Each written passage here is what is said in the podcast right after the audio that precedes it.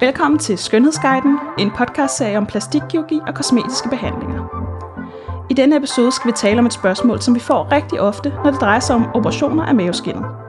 Og spørgsmålet er, skal jeg have en stor eller en lille maveplastik? Vi anbefaler selvfølgelig altid, at man kommer ind til en samtale med en kirurg, så man kan få vejledning til ens individuelle tilfælde. Men vi har også forståelse for, at mange af jer researcher hjemmefra, og gerne vil forberede jer mentalt inden. Så jeg har inviteret vores plastikkirurg, Christian Snejstrup, med i studiet, så han kan hjælpe mig med at tale lidt bredt om det her med maveplastik i dag. Og øh, først, Christian, kan du så ikke forklare forskellen mellem det, vi kalder en lille og en stor maveplastik?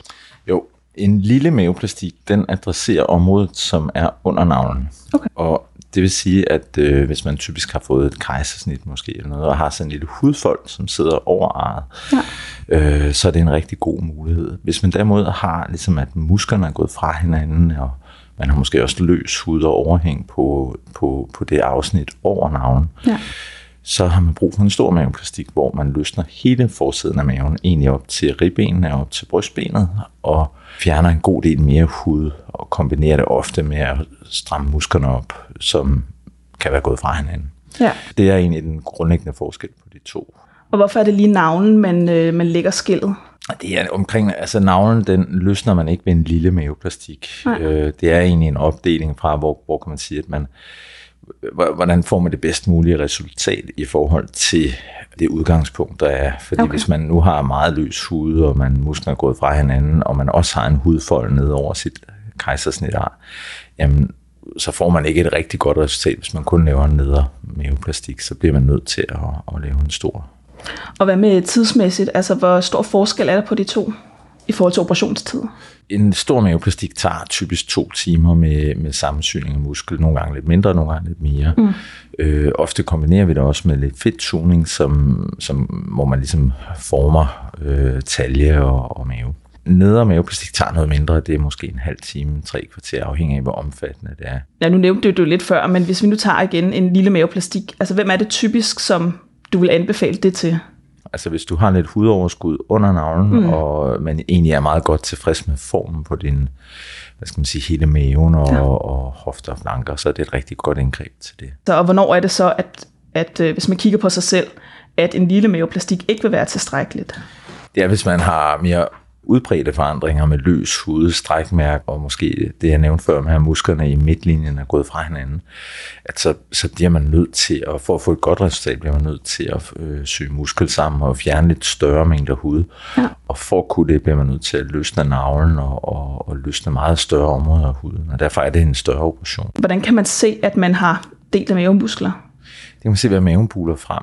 Altså jeg, jeg kan jo som kirurg, når jeg mærker mm. på maven, så, så er det ligesom man har, har en tydelig fornemmelse af, at der mangler noget muskel øh, i, i spænding i tonus i midten. Ja. Patienterne beskriver ofte, at deres mave falder ud, at de falder frem, og de føler, at de er gravide eller ser gravide Ja. ud. Øh, Og man kan skal også få, få lidt rygproblemer og lændeproblemer, fordi den her øh, stabilitet i trunkus, den, den mangler lidt. Ja, okay. Så det er ikke nødvendigvis kun noget kosmetisk? Jeg, jeg, jeg vil påstå, at det også har en, en funktionel øh, Ja. betydning. Helt, helt klart. Hvorfor deler ens mavemuskler sig? Det er under graviditet typisk, Ja. eller efter store vægttab, hvor af livmoren eller organer, fedt omkring tarmen osv., øh, trykker ud på, på bugvæggen, og der er der bare en svaghed mellem de to, øh, altså mellem sixpacken lige i midtlinjen. Der er der en svaghed i, i bugvæggen, som ligesom vil blive strukket nogle gange, og vi kan jo desværre ikke sige, hvorfor nogle kvinder går igennem Nej. 3-4 graviditeter har en helt flad mave, mm. og nogle har en halv graviditet, og så er det hele Ja, der er lige uretfærdigt nogle gange. Jo, præcis. Og det er typisk de forhold, der gør, at det, det kommer der. Og nu her med sammensyning af mavemusklerne ved en stor maveplastik, er jo noget, man ligesom kan vælge til. Altså, man kan godt få en stor maveplastik, uden også at skulle Jo, have syet mavemusklerne sammen. Hvor ofte laver du også sammensyning af mavemuskler i forbindelse med en stor maveplastik? Jeg vil tro, at jeg er måske 90 procent af store maveplastikker syr musklen sammen. Okay. Øh, den, jeg synes, det hører til at få en flot mave. Langt de fleste, der har brug for en stor maveplastik, har også det her problem. Det går, man egentlig ikke er klar over det, og sådan er det jo ikke for at påføre folk Nej. øh, gener eller, eller, eller symptomer eller ekstra udgifter overhovedet. Man ved bare, at det giver et bedre resultat, og man får en flottere mave, der er mere sådan lignende og, og stram. Ikke? Ja. Så øh, hvis vi helt kort skal opsummere, øh, nu prøver jeg, så kan du se, om jeg har forstået mm. det rigtigt. Så øh, i forhold til, at man skal have en lille eller stor maveplastik, så kan man kigge på sig selv i spejlet.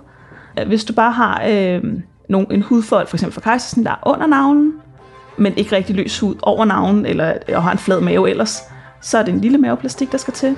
Hvis der du har delte mavemuskler, du buler ud af, og du har også har løs hud, der ligesom går ned over navlen, så er det en stor maveplastik, øh, der skal til. Mm. Yes.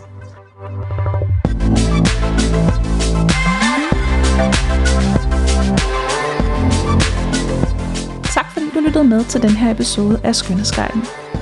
Hvis du har nogle spørgsmål, eller hvis du gerne vil booke en tid til en forundersøgelse, så ring til os på 70 27 57 57.